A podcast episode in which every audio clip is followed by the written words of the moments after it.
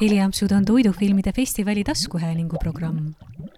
Eesti Peakokkade Ühenduse juhatuse liige Maru Metspalu on selles saates külas Fotograafiska restoranis. saatekülalisteks on peakokk Merlin Vetik ja suušef Stella Kurik. erikülalisena lisab saatele vürtsi esimesel seitsmel minutil ning saate teises pooles võimas külmkapp. salvestus toimus viieteistkümnendal veebruaril kahe tuhande kahekümne teisel aastal. head ampsamist! Tere, mina olen Maru ja te kuulate Heliampsude podcasti ning täna olen, oleme ennast sisse seadnud vaieldamatult kõige parema vaatega restorani Tallinnas, kus on nauding välja vaadata ka siis sellise sompuse ilmaga, nagu seda on täna ja ajaraamiks on meil veebruari keskpaik.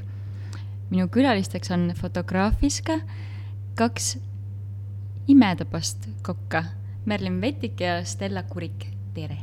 tere! tere! Ma alustan sellest, et teie töökaaslane kirjeldas mulle teid esmalt nii. vinged, teotähtelised ja osavad neiud. no väga armas, et kes, kes iganes meid niimoodi kirjeldas. et äh, jaa, väga, väga kihvt on niimoodi kuulata, et äh, sellist tagasisidet. Teie nimed võib-olla ei ole kõige, kõige tuntumad, küll aga aga restoran äh, ise seda on. muide, linnukesed on mulle siristanud, et üksteist on lõpetanud ajakirjanduse Tartus ja teine on olnud punklaulja ja pannud kokku elektroonikat. vastab tõele? jah, et vastab tõele, et äh, mingi ajajärk ma töötasin elektroonikafirmas üheksa arvuti taga, libistasin ennast äh, seal õhtuti või öösiti või hommikusel ajal koos Grana äh, ema plaatidega arvuti juurest arvuti juurde ja kontrollisin siis neid äh, ema plaate ja saatsin parandusse või saatsin hiljem edasi monteerimisse ja Rootsi ja enamus kraanad, mida on näha, nendes võib olla minu siis kontrollitud ema plaat. ja punk, punkbändi sai ka kunagi noorena tehtud ja sai üldse sellist väga tormilist elu elatud, kaasa arvatud äh, töötades äh, baaris nimega Levist väljas, mis on paljudelegi tut-, tuttav nimi ja ja võib-olla just eriti, jah, just, just tol ajal töötasin, kus oli eriti populaarne see ja ega nädalavahetustel käis kuussada, kaheksasada inimest äh, õhtu jooksul läbi ja nii see elu oli, niisugune punk ja rock n roll ja torm. Merlin, aga sina, sina, sinule jäi nüüd see ajakirjanikuks õppimise pool jaa, tõepoolest, ma äh, lõpetasin siis bakalaureusekraadi Tartu Ülikoolis. Äh, tegelikult mul oli plaanis astuda ka magistrisse, sest et ajakirjandus mind väga-väga huvitas. aga kuna minu lõpuaasta ja lõputöö kirjeldamine sattus ka välismaal õppimise peale, siis juhtuski nii, et ma enda soovitud töökohta täpselt äh, ei saanud Äh, kuna ma soovisin alustada tööd äh, ERR-is, siis seal on ju, nagu me teame, avalik-õiguslik äh, ringhääling on kohad piiratud. ja seetõttu jäin ma just nagu enda soovitud kohast ilma. ja mul oli ees selline vaba suvi ja tegelikult pärast seda mu ema soovitas mul siis minna äkki kokaks õppima ja siis valisingi selle tee aga ajakirjandus mulle väga-väga meeldis ja miski ei välista, et ma kunagi selle juurde tagasi pöördun ehk siis, et, et kummalgi ei ole olnud see kokaks saamine selline esimene valik? no võib-olla mul oli mõnes mõttes nagu, ma seostan seda sellega, et tegelikult ma plaanisin ka minna, tegelikult sisse astuda sisearhitektuuri EKA-s ja ma käisin ettevalmistuskursustel aga kuna siis ma olin veidike noor ja rumal ja lasin ennast liiga palju võib-olla mõjutada, siis äh, üks mu sõber ütles, et et sa ei pea sinna, kui sa tahad kunstnik olla, et siis sa ei pea sinna minema ja üldse, et kõik on nii nõme ja et, et ta tegi õudselt maha selle ja ma võtsin seda väga tõsiselt. ja siis jäigi see, minu õping jäi ainult sinna ettevalmistuskursuste tasemele. aga kuidas sa kokaks said?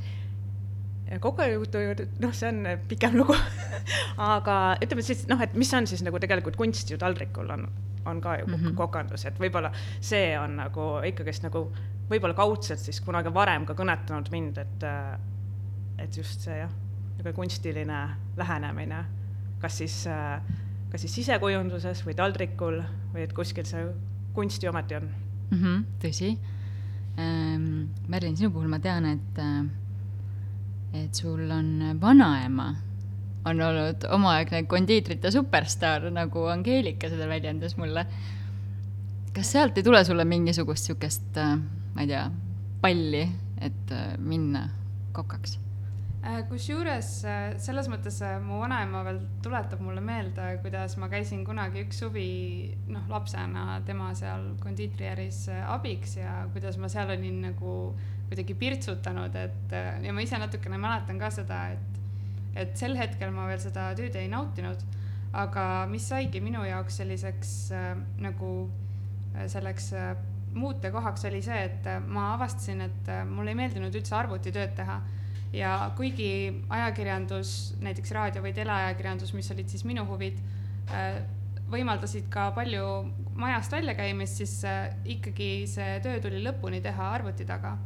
Ja kuna ma Äh, seda osa oma tööst niivõrd ei nautinud, vaid pigem mulle meeldis selline käeline tegevus ja aktiivne eluviis, siis äh, see sai selleks otsus, otsustuskohaks.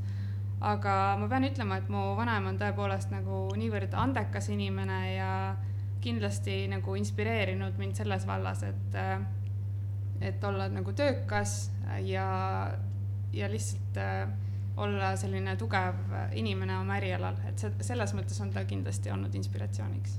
Te olete mõlemad Fotografiskas olnud kui kaua?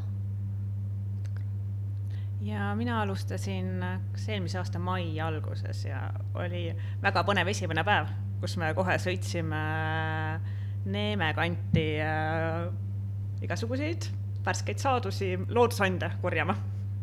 nii et äh, veidi vähem kui aasta ja Merlin? Äh, ja minu tee on olnud natuke pikem, aga selles mõttes ka teistmoodi, et ma alustasin niimoodi, et äh, kui ma tulin oma eelmisest töökohast ära, siis ma tahtsin veidikene puhata ja ma olin tegelikult käinud Peetriga intervjuul, tööintervjuul ka enne Fotograafiska avamist, aga siis oli äh, vastu suve ja võib-olla teate, et restoranis vastu suve ära minna on selline nagu noh, üsna inetu käitumine tööandja suhtes võib-olla. loomulikult on see arusaadav, kui see on su soov, aga, aga selles mõttes äh, ma tundsin, et ma ei taha päris niimoodi käituda ja tulingi ära oma eelmisest töökohast siis sügisel ja tulin siia sööma ja nägin jälle ootamatult Peetrit ja küsisin, et ega mingit tööotsa pole pakkuda ja sattusingi siia Naadasse niimoodi, et äh, Naada õhtusöögid alustasidki mina, siis Paul Tehver, kes praegu on raadios, ja Peeter. ning ähm, need kestsid siis mõned kuud, äh, kuni algas koroona, mil ma pidin tegelikult, plaanisin minna, minna Londonisse, aga õnneks Peeter siis ikkagi võttis mu tööle tagasi ja seekord juba sous-chef'ina restorani köögis äh, tegelikult Peeter ongi alates sellest ajast, kui siis mina alustasin ja tegelikult äh, siis kui ka, ma ütleks, et nüüd eriti veel sel ajal, kui ka Stella alustas ja meil on siin see ülejäänud tiim, et me saame üsna iseseisvalt äh, menüüd teha, et Peeter on nii-öelda järk-järgult äh, andnud äh, meile rohkem võimalust kasutada omaenda ideid ja omaenda toorainet välja otsida ja teha sellest midagi ägedat. et selles mõttes me oleme saanud omaenda visioon, visiooni päris palju rakendada. ja see on hea, et meil on selline toetav peakokk siin ja tegelikult äh, noh, see ongi, et äh, sous-chef'idena töötades äh, on ka üks sinu ees, eesmärkidest ja ülesannetest ka vaadata seda, et menüü oleks õige ja sobilik ja tihtipeale noh, võib-olla mitte siin Eestis nii väga, aga eriti välismaal peakokk võib-olla lihtsalt tulebki ja vaatab üle ja annab oma hinnangu, et see ongi selline natukene laiem võib-olla küsimus, kui, kui nii võtta mm. -hmm ja kuigi nüüd tegelikult äh, Merka ei ole meil ainult sous-chef, et ta sai ka hiljuti väikese ametikõrgenduse, et ta on, tegemist on siis meie köögi peakokaga. Äh, mina nii-öelda olen siis nagu restorani peakokk ja Stella on sous-chef ja Peeter Pihel on siis fotograafis ka peakokk ja asutaja, kaasasutaja.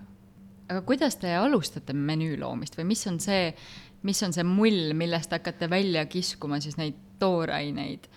Et üks on kindlasti äh, see niisugune hooajaline taust, aga edasi, tooraineid on ju palju. talunikud on, on üks kindlasti määrav roll, kes, kes siin restoranis äh, tooni annavad. ja et kuna mul on siis ütleme, pandud see proteiinid ehk siis lihad ja kalad, et siis ma ise üritan ikkagist, et kõik oleks eestimaine, et ei oleks äh, seda importi kuskilt mm -hmm. mujalt. on see keeruline? Nii ja naa, et äh, selles suhtes, et kahjuks, et kala on noh, mis põhiline, kes kala toob, eks ole, on pähkla, toodab, et väga-väga austan nende tööd ja nad on tohutult kasvanud ja väga tublid. Ja, aga see ongi jällegi muutunud niisuguseks äh, võib-olla veidikene tavatarbimiseks, et pähklast kasutavad enamus restoranid, mis on muidugi tore Eesti toorainele, aga samas ju tahaks kogu aeg midagi võib-olla erilisemat mm. -hmm. aga noh, kuna ongi nüüd see kolmesaja kuuekümne menüü, mis meile tuleb siia, et siis saab ka kasutada, ütleme, kohalikku kala, näiteks koha on praegu äh, hooajas ja võtta siis ütleme muid äh, produkte sisse, aga eks see on piiratud ja kahjuks ka liha, et äh, tõesti, et noh kahju tunnistada, aga see urukai liha nende, nende vahest maitseb paremini kui ütleme siin Eesti loomaliha. Aga sellest, see ongi arusaadav ja seal ei ole mitte midagi teha, kuna need, see muru, mida söövad seal, see muru ja hein, mida nemad seal söövad, on palju mineraalirikkam ja sellest ju tulebki juba see liha maitsevahe. Ja sa ei taha ju siin ka seda, seda liha tellida, mis on võib-olla steroide täis pumbatud ja mis iganes asju, et et jah, et kahju, kahjuks on, aga on võimalik. Ja muidugi Antu-kana, Muhu, praegu võtame, Antu-kana on meil sees äh,, Muhu lammas, et õnneks leidub ja ma tahaks loota, et, äh, et neid tuleks rohkem aga liha ei ole ainus asi, mis taldrikul on? jaa, et noh, et see on, ütleme, mis minu, minu proteiinid aga jah, meil on veel teisi asju ka, et äh, mis on juurviljad.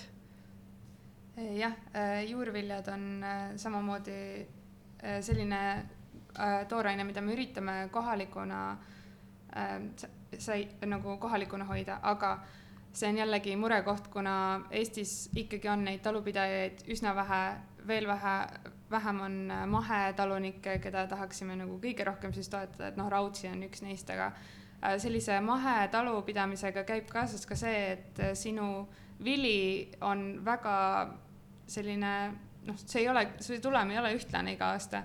Ja nii palju, kui mina aru sain, siis äh, tegelikult äh, see eelmine suvi oli ikkagi väga kuiv ja seetõttu mõjutas väga ka saaki. ning on äh, tõesti väga raske leida nagu häid juurikaid, mida siis iga nädal sees hoida.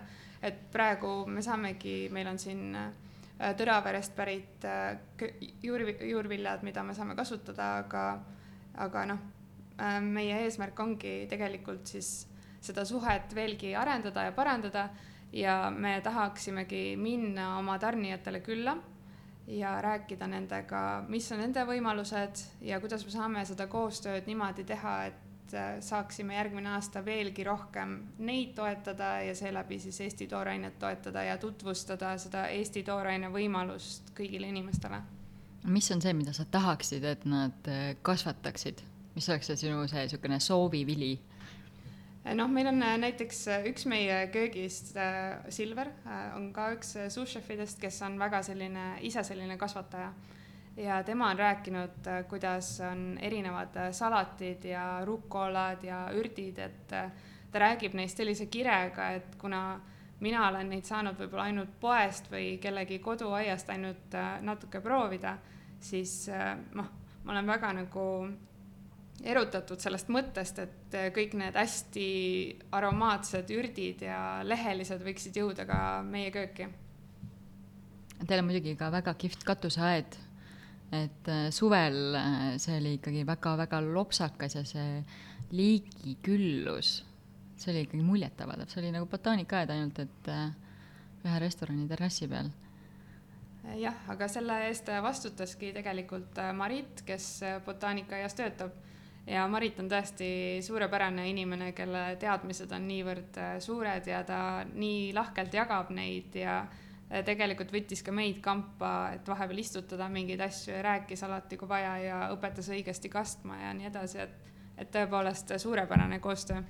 Mis näitab seda, et tegelikult ühes aiakastis või rõdukastis on võimalik kasvatada nii mõndagi, sest et siin olid ka mustad maisid Peruust, ehk siis et see mais, mis kunagi algselt oligi selline tume, mis aretati ühel hetkel selliseks kollaseks ja mahlaseks, tegelikult on see ju palju, palju ägedam kui, kui lihtsalt üks tavaline kollane mais. ja ning meil on ka mesilased siin äh, olemas, et, et äh, suvel on mm -hmm. toetavad siin ümbruskonda ka, ma arvan. muidugi, tolmeldada on ju vaja. aga kui rääkidagi just nimelt sellest niisugustest köögitrendidest või toidutrendidest, kui, kui palju te seda ise jälgite? kes on, kes on need kokad, keda te silmas peate või restoranid, mille, mille, ma ei tea, Instagrami lehtede aeg-ajalt vaatate, et mis, mis nad teevad, kuhu see kõik suundub?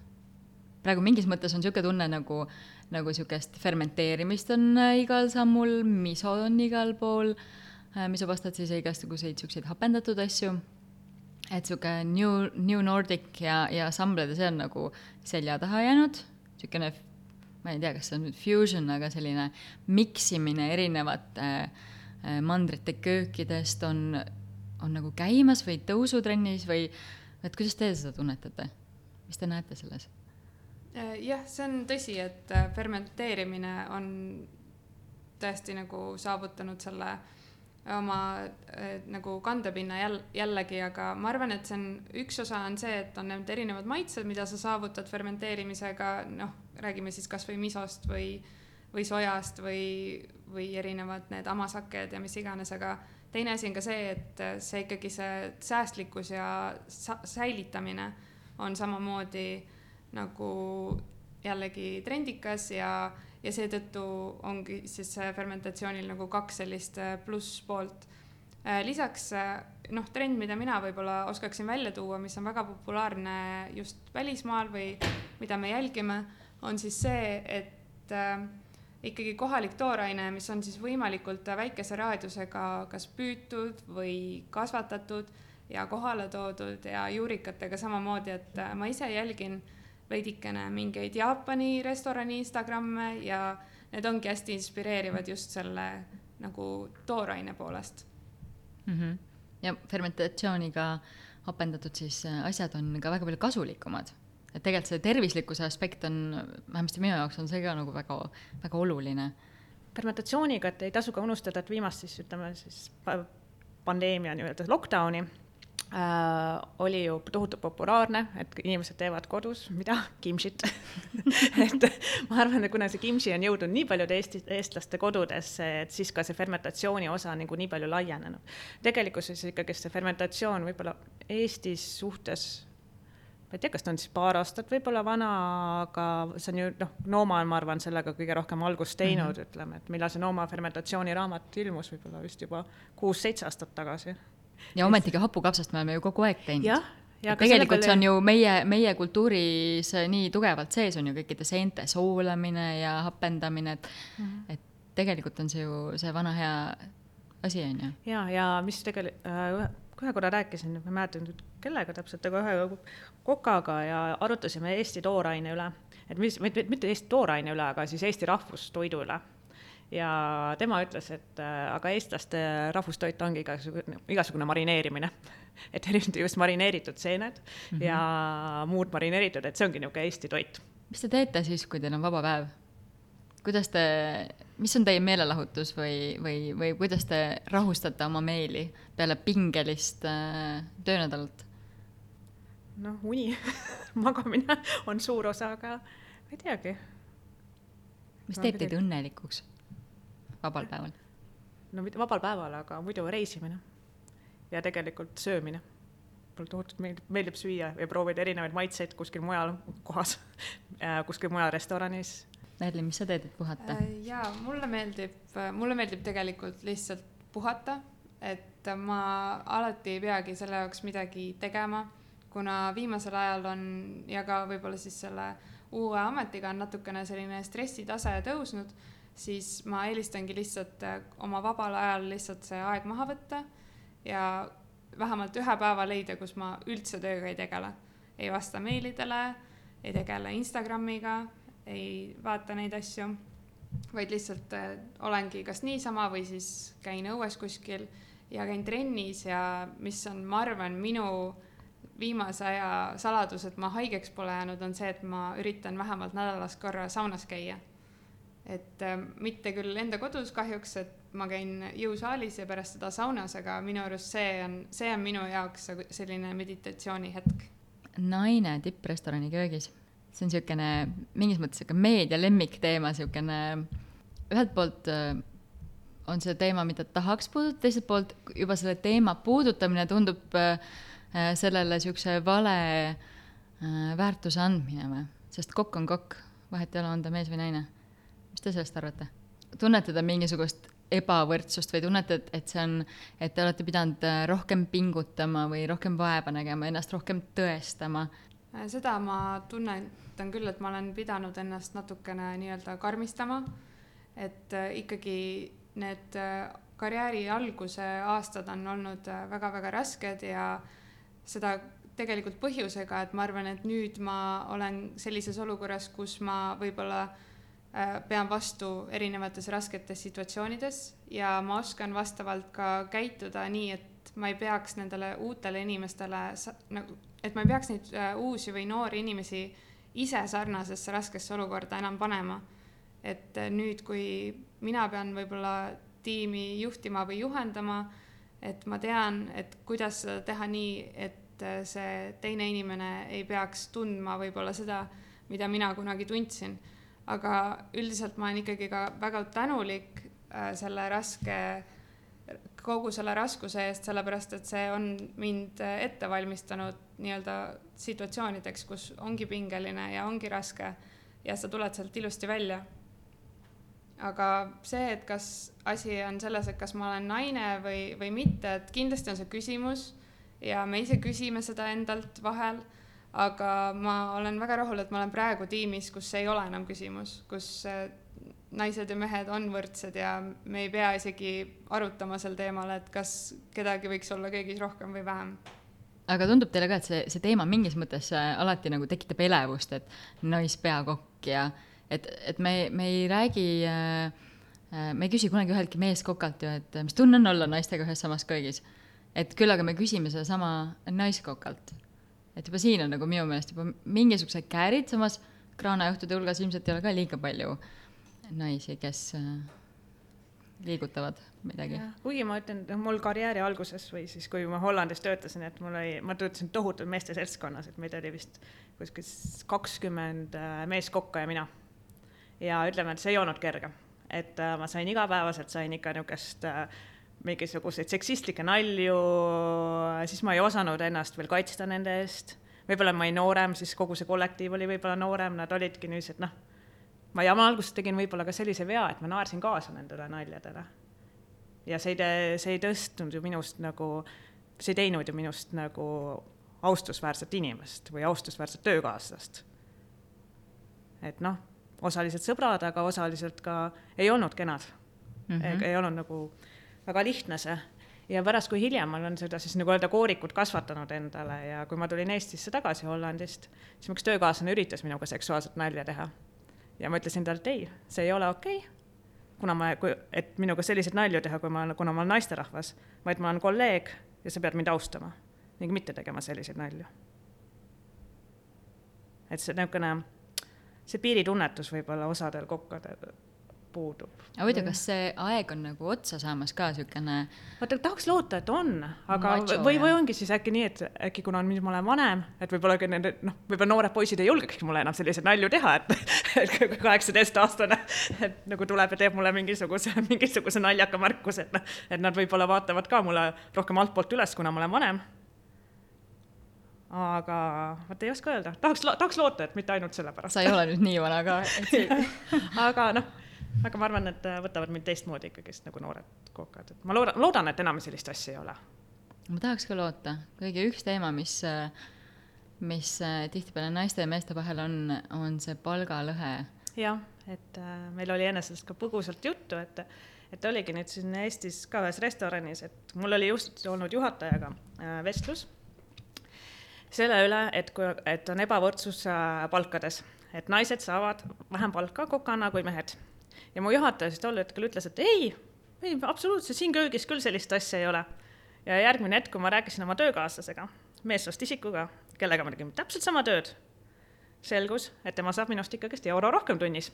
aga miks see nii on? kust see tuleb, kas see on mingisugune ajalooline paratamatus või? vot ei tea. võib-olla ta oskas lihtsalt küsida. aga miks naised ei oska küsida? ei, ma enda arust küsisin ka hea palgaga aga võib-olla siis oleks pidanud rohkem küsima, ma ei tea.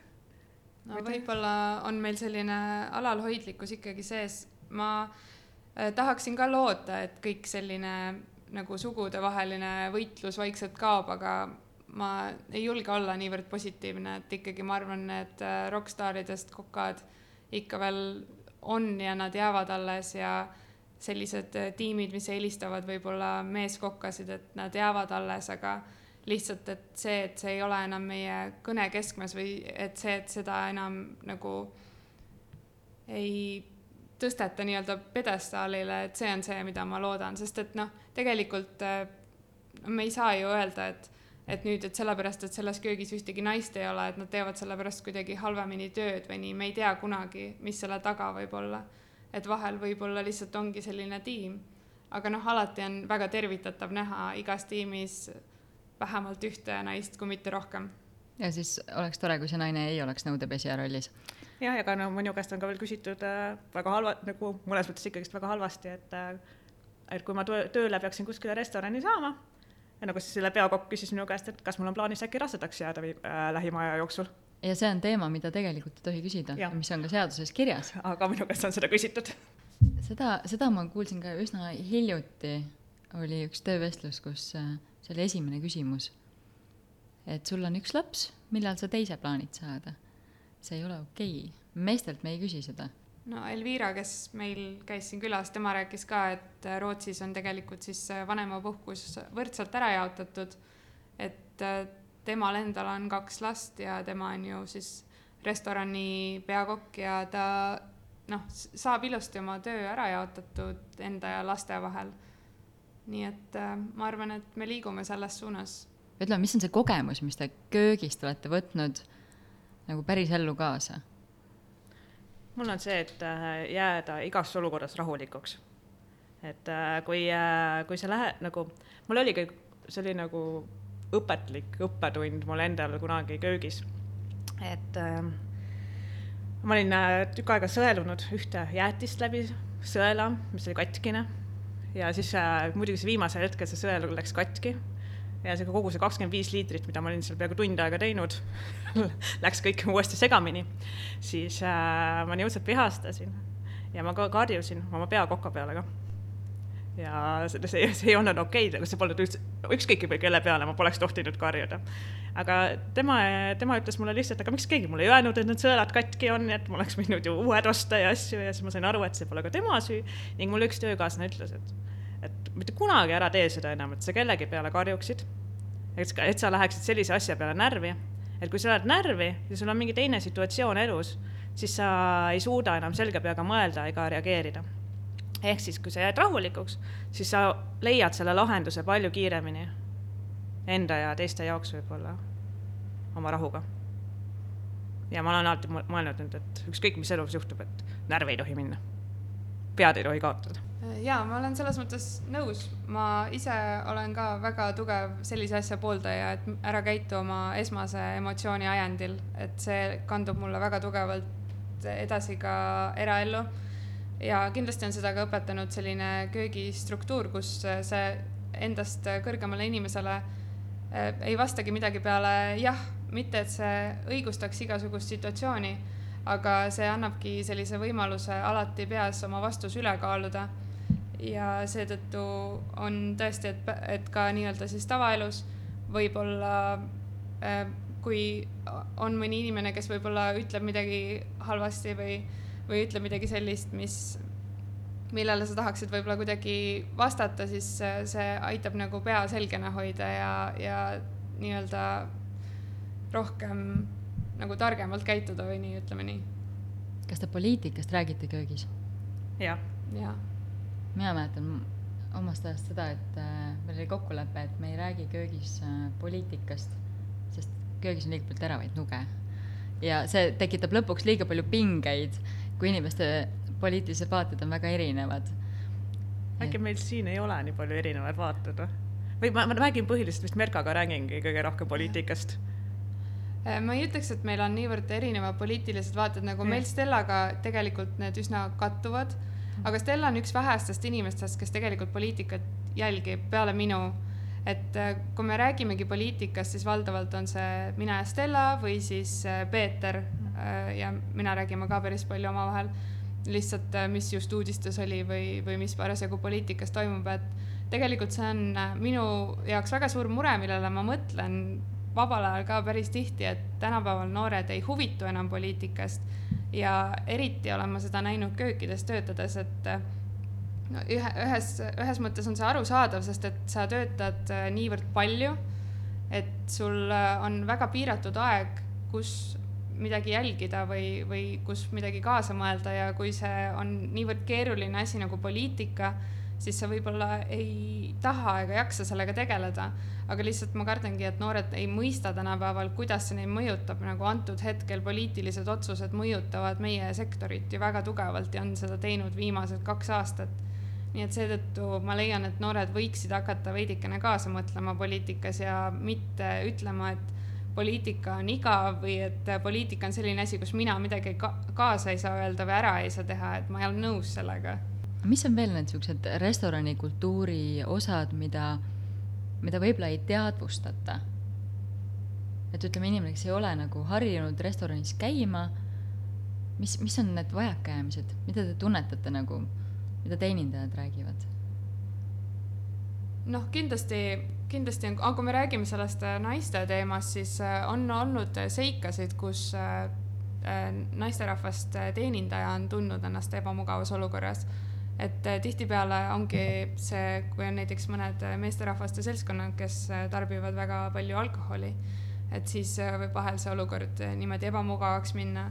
et see on üks asi, et inimesed võib-olla tunnevad ennast natukene liiga mugavalt teatud hetkedel, et mulle, mul oli kunagi üks kolleeg, kes ütles kuidagi väga hästi, et, et sa oled, tunne ennast nagu minu kodus et äh, ma tahan sind kohelda väga hästi nagu külalist, aga ikkagi noh, sa ei ole enda kodus päris, et, ikkagi tasub natukene alalhoidlik olla või lihtsalt noh, viisakuse piirides. ja teine asi on tihtipeale see, et võib-olla äh, mida inimesed ei tea, on siis, et äh, mis äh, seisneb restoranis hinna taga miks on siis need hinnad näiteks tõusnud restoranides või miks mõnes restoranis mingid asjad maksavad nii palju, kui nad maksavad. ja kui natukene seda võib-olla rohkem tunda, siis sa võib-olla saaksidki aru, et miks võib-olla ühes restoranis äh, maksab miski asi täpselt nii, kuidas ta maksab, aga kuidas, kuidas võib-olla ongi, et mõnes teises kohas sa tõepoolest maksad üle. et just see tunnetuse asi, et see on noh, meie, meil on seda võib-olla natuke lihtsam mõista aga tavakülalisel kindlasti mitte. ja noh, restoranis tasukski pigem käia siis nagu kohapeal ja, ja võib-olla natuke harvem, kui pigem, et voltida pidevalt, et äh, ma arvan, et see tuleks meie restoranimaailma püsimisele natuke rohkem kasuks. ja võib-olla ka need, noh, et kui oli see pandeemia, et siis äh, paljud ju restoranid panid oma uksed kinni ja sellest oli uudistes juttu ja siis tahes-tahtmata nagu restoranis töötajana ma lähen sinna kommentaaridesse vaatama, mis seal siis inimesed arvavad. Ja paljud kirjutavadki, et noh, et tead, need, need umbes muidusööjad, äh, need nii-öelda restoranid, need tulebki kinni panna, need kõrtsid nagunii ei, ei tee mitte midagi. et see ei ole ju raske nendel töötajatel kõik ümber õppida, mingi muu ameti peale minna, äh, kõiki selliseid asju, aga ma, ma ei käinud ju selle nimel, ei ole üheksa aastat tööd teinud et nüüd ümber õppida midagi järsku, see on minu arust üks, üks asi, millest inimesed ei saa aru. et miks ma nüüd, miks ma nii õudselt tahan seda tööd teha või, või et äh, kokaamet vist on natukene liiga raske ka selleks, et see oleks lihtsalt elukutse, vaid see ongi elukutse. jah, see ongi elukutse, et sa käid ju ikkagist, no mina käisin kolm aastat selle jaoks koolis ja ikka nägin vaeva, kuna ma õppisin veel hollandi keeles seda kogu, kogu seda kupatust, et et äh, ja et seda, seda ma nii väga tahtsin teha. ja teised, teine asi muidugi, mida, millest inimesed veel vähem võib-olla siis aru saavad, on ju tegelikult see, et meie, meie, kes me kasutame nüüd siin noh, et üks asi, me teeme selle söögi, aga me võtame ju, üritame vähemalt siin restoranis kindlasti võtta kodumaist toorainet, aga see kodumaine tooraine tuleb ju farmide käest, mis, mitte farmide käest, vaid talunike käest ja ka talunikud ju tahavad ka raha, et see, see, kui me, me restoranidena lõpetame tegevuse, see tähendab ka seda, et osa ju talunikke kaotab oma töö ja Mhm. kaotavad ka muud, ütleme siis. jah, et see ahel on tegelikult nii Ja palju suurem, et kui see suurem. üks äh, doomino kukub Mhm. et siis tegelikult kukub selle peale päris, päris Jah. mitu doominot. et paljud ei näe sellest kaugemale, et nad mõtlevad, et mõ- mõtlevad, et restoran ongi nagu, ma ei tea, et paljud inimesed vist arvavad ka, et me teeme lihtsalt sahtlid lahti ja võtame püreed välja sealt. et, et, et küsitakse ju, paljud inimesed, kes üldse ei tea, küsivad, et noh, mis kell ma tööpäeva alustan. ütleme, et ma alustan kell kaksteist tööd. mis kell te restorani lahti teete? no kell kuus õhtul. aga mis sa nii kaua teed siis? aga mis sa teed nii kaua? aga siis ongi ju, teed kõik need püreed ja kastmed ja asjad, et ei ole ju niimoodi, et teed sahtli lahti ja kõik, kõik asjad on valmis, et kõik asjad ju võtavad aega mm, -hmm. nende tegemine, ega see kodus ka ju. ja me ju, me ei käi ju ostmas kuskilt valmis toitu ja ei pane seda mikrolaineahju. Et see valmis toit on niisugune, tuleb ju valmis küpsetada ju eelnevalt. ja täpselt samamoodi nagu kokkadega on ka tegelikult teenindajatega, et nemad vajavad samuti tegelikult väga pikka väljaõpet, et saada nii heaks, kui nad on. ja äh, sellepärast äh, tulekski noh, ongi, et kui need teenindajad äh, ei saa oma töökohal jätkata, kas siis äh, seetõttu, et restoranid on kinni või et nende palk juba tegelikult teist aastat võib-olla järjest ei tõuse, aga hinnad kõik tõusevad, et et kui me pidevalt kaotame neid teenindajaid, kes on võib-olla aastaid ja aastaid sellega tegelenud ja kes oskavad seda tööd väga hästi ja siis meile tulevad peale noored inimesed, kelle, kellel ei ole seda väljaõpet ja keda on raske välja õpetada, sellepärast et ei ole neid kogenumaid ees, siis me oleme jällegi sellises olukorras, kus äh, külalised ei saagi võib-olla sellist äh, õhtusööki naudingut, nagu nad ootavad ja ei olegi rahul enam oma restorani külastustega ja nii edasi. et see kõik kõik on omavahel niivõrd seotud ja seda on väga raske näha, kui sa ise selles business'is ei tööta. et mis mulle meeldis väga ähm, meie siis selle naiste õhtusöögi juures oli see, et me rääkisime emotsionaalsest säästlikkusest, ehk siis, et kui kui me oma restorani kontseptsioonist rääkides, me pidevalt keskendume siis nii-öelda keskkonna ja toidu ja noh, põhimõtteliselt kõige selle säästmisele, siis tegelikult täpselt sama oluline on säästa oma tiimiliikmeid ja oma töötajaid, ehk siis pakkuda neile head palka, pakkuda neile inimlikke tunde ja pakkuda neile siis sellist vaheldusrikast tööd, mis neid arendab, eks ole. Ja see ongi see, mida tegelikult me peaksimegi kokandusmaailmas muutma, et asi ei olegi selles, kas köögis töötavad naised või mehed, vaid asi on selles, et siis see tiimiliider suudab seda tiimi juhtida nii, et need inimesed pidevalt arenevad ja et nad on õnnelikud oma tööd tehes. ja just see, et me hoiame üksteist, peaks olema rohkem osa meie erialast, et, et kokandus on tuntud kui väga füüsiliselt ja emotsionaalne, emotsionaalselt raske eriala, kus sa noh, kus nii-öelda reeglid puuduvad võib-olla, et siis just selles mõttes ongi, et me peame need reeglid, inimlikkuse reeglid nii-öelda tagasi tooma ja rakendama neid nii, et os-, nii oskuslikult, et see süsteem, mis toimib siis väga jooksvalt, ehk siis käsuliin ja kõik need ülejäänud asjad tegelikult jääksid alles küsi-, minu käest on küsitud ka, et kas, kas sul on ka siis niimoodi, et äh, nagu telekas näha on, et peakopp tead kogu aeg karjub ja loobib taldrikuid ja loobib taldrikuid, et, et ma olen töötanud ka sellise koka juures äh,, kes on, kes on nagu vi, äh, visanud taldrikuga teenindajat ja, ja noh, tema tujud olid nii äärmusest äärmusesse, et nagu see tuulelipp nagu, et kunagi ei tea, mis tujuga ta tööle tuleb, et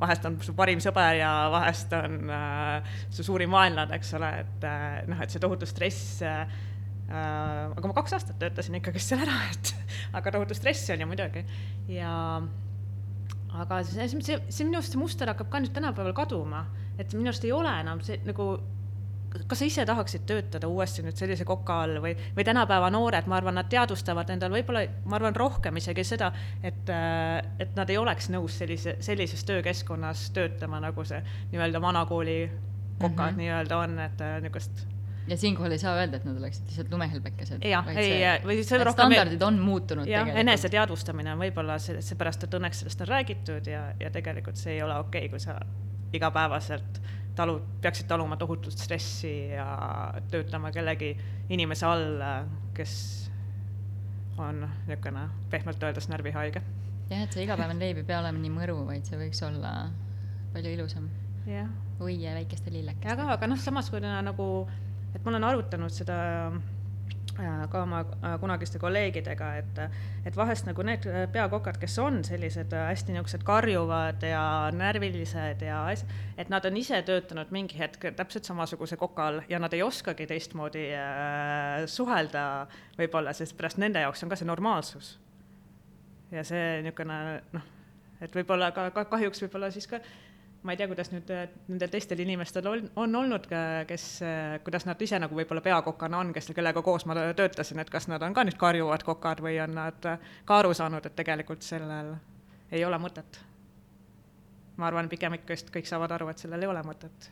maailm õnneks muutub ja, ja, ja generatsioonid vahetuvad. jah, ja see kõik on tegelikult kinni ka omaenda valikutes, et vahel ongi see, et mis seda karjumist ju põhjustab, on liigne stress ja selline ületöötamine. et äh, sul on alati ju valik, kas sa pärast seda kaheteisttunnist tööpäeva lähed kuskile pubisse nüüd äh, õlut jooma oma töökaaslastega või sa lähed koju magama.